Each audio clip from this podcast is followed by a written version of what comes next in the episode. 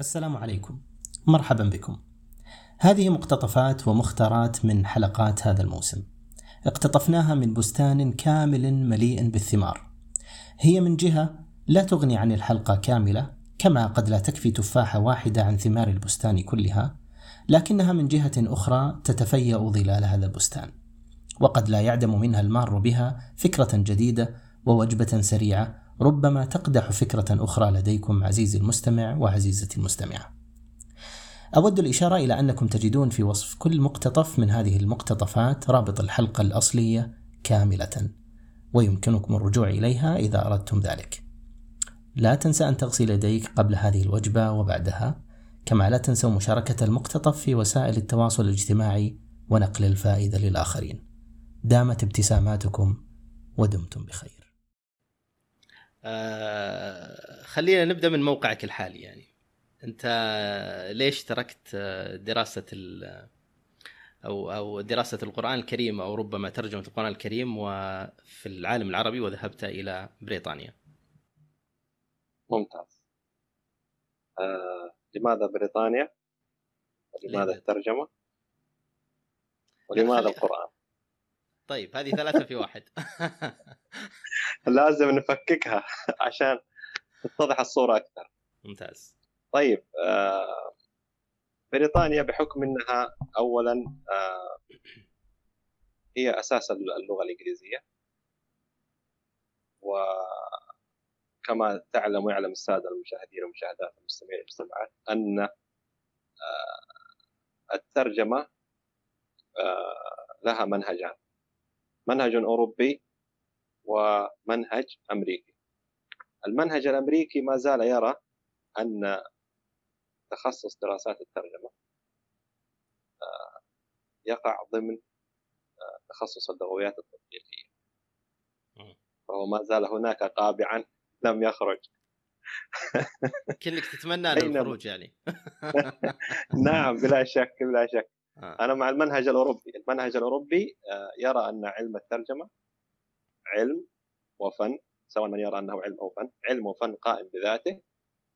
آه، وبريطانيا هي من ضمن هذه من ضمن يعني المنهج الأوروبي.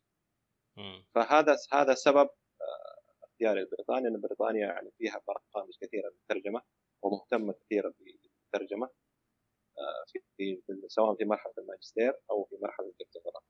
ما رأيت في مرحلة البكالوريوس لكن آه، تكون دراسة عامة لكن في الماجستير والدكتوراه في اهتمام كبير. ومثل آه، ما ذكرت لك يعني أنا مع الرأي الذي يميل إلى أن نعم أنا أوروبي. جوي أوروبي. عشان كذا رحت بريطانيا. أيوه. تمام. آه، طبعا ال علم الترجمة يعني مثل ما ذكرت لك هو علم مستقل. وله نظريات كثيرة وحتى كتب فيه علماء كثيرين يعني ابتداء من يوجين نايدا ثم بيتر نيومارك هذا إنجليزي الأصل. إلى منى بيكر آه، وجيرمي ماندي إلى آخره. فيعني يعني ربما أكثر من 15 أو 20 منظر كلهم يعني قعدوا واصلوا لعلم الترجمة. هذا فيما يتعلق في آه، بريطانيا. فيما يتعلق في آه، الترجمة كما ذكرت لك أن بريطانيا هي آه، ما هو أفئدة محبي الترجمة. وكثير يعني من من سبقونا يعني ما شاء الله تبارك الله من اساتذتنا تخرجوا من جامعات بريطانيا. بقي أن تذكر لي لماذا دعني أتوقع السؤال. لماذا القرآن في بريطانيا؟ هو هذا هو هذا هو أساس السؤال يعني. نعم. نعم. هو هو في الحقيقة الدراسة اللي أدرسها الآن هي دراسات الترجمة.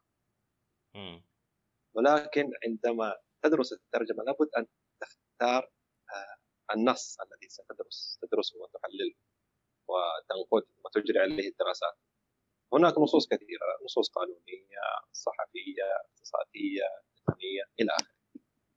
أنا اخترت آه، نص القرآن لسببين السبب الأول هو أن الله سبحانه وتعالى من علي بحفظ القرآن فأجد نفسي كثير يعني مرتبط في القرآن وحتى دراستي يعني كانت أيام الثانوية.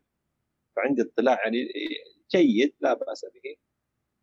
وإن كان يعني لا يرقى إلى ذاك الاطلاع لكن ما زلنا نحبه آه، في التفسير وفي اللغة العربية. حتى أذكر آه، وربما يسمعوني زملائي في الصف الثالث ثانوي عندما كانت الأسئلة من الوزارة من الوزارة. أذكر إلى الآن أني أخذت الدرجة الكامله 30 من 30 من الاختبار النهائي في أسئلة الوزارة. كان اليوم السابق للاختبار الزملاء طبعا هم ما كانوا هم عندي أنا كنت عندهم هم حضروني وكنا نستذكر سويا فكنت يعني أحب النحو. فكل هذه الأمور يعني لأن النحو والبلاغة والصرف وعلم التفسير هذه كلها علوم متعلقة بالقرآن الكريم. هذا السبب الأول هو ارتباطي بالقرآن والعلوم المتعلقة به. والسبب الثاني آه، وجود المشرف المتخصص الأستاذ البروفيسور جيمس ديكنز. يعني ما شاء الله تبارك الله هو يشرف على آه، هو بروفيسور في اللغة العربية ودراسات الترجمة. يتقن أكثر من لغة حسب ما سمعت يعني يتقن اللغة العربية. طبعا اللغة العربية يتقنها بالإضافة إلى لغته الاولى اللغة الإنجليزية ويتقن اللغة التركية كما سمعت ولغات أخرى. آه، وهو يشرف على طلاب دكتوراه في ترجمة القرآن منذ عام 1995 يعني الآن ما شاء الله أنهى الإشراف على آه، تقريبا 14 أو 15 رسالة والآن يدرس عنده تقريبا أربع أو خمس طلاب في ترجمة القرآن. فهذه كلها كانت محفزات ودواعي لاختيار بريطانيا.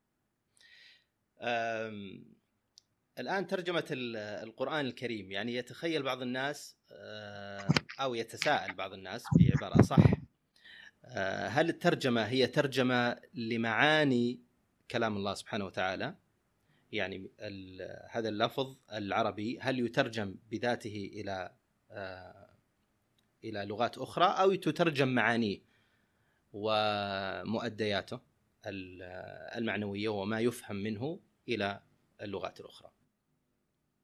رائع طبعا القرآن الكريم يتميز بأنه كتاب من عند الله سبحانه وتعالى وقد تحدى الله سبحانه وتعالى عباده بأن يأتوا بمثله. لذلك يبقى القرآن هو القرآن.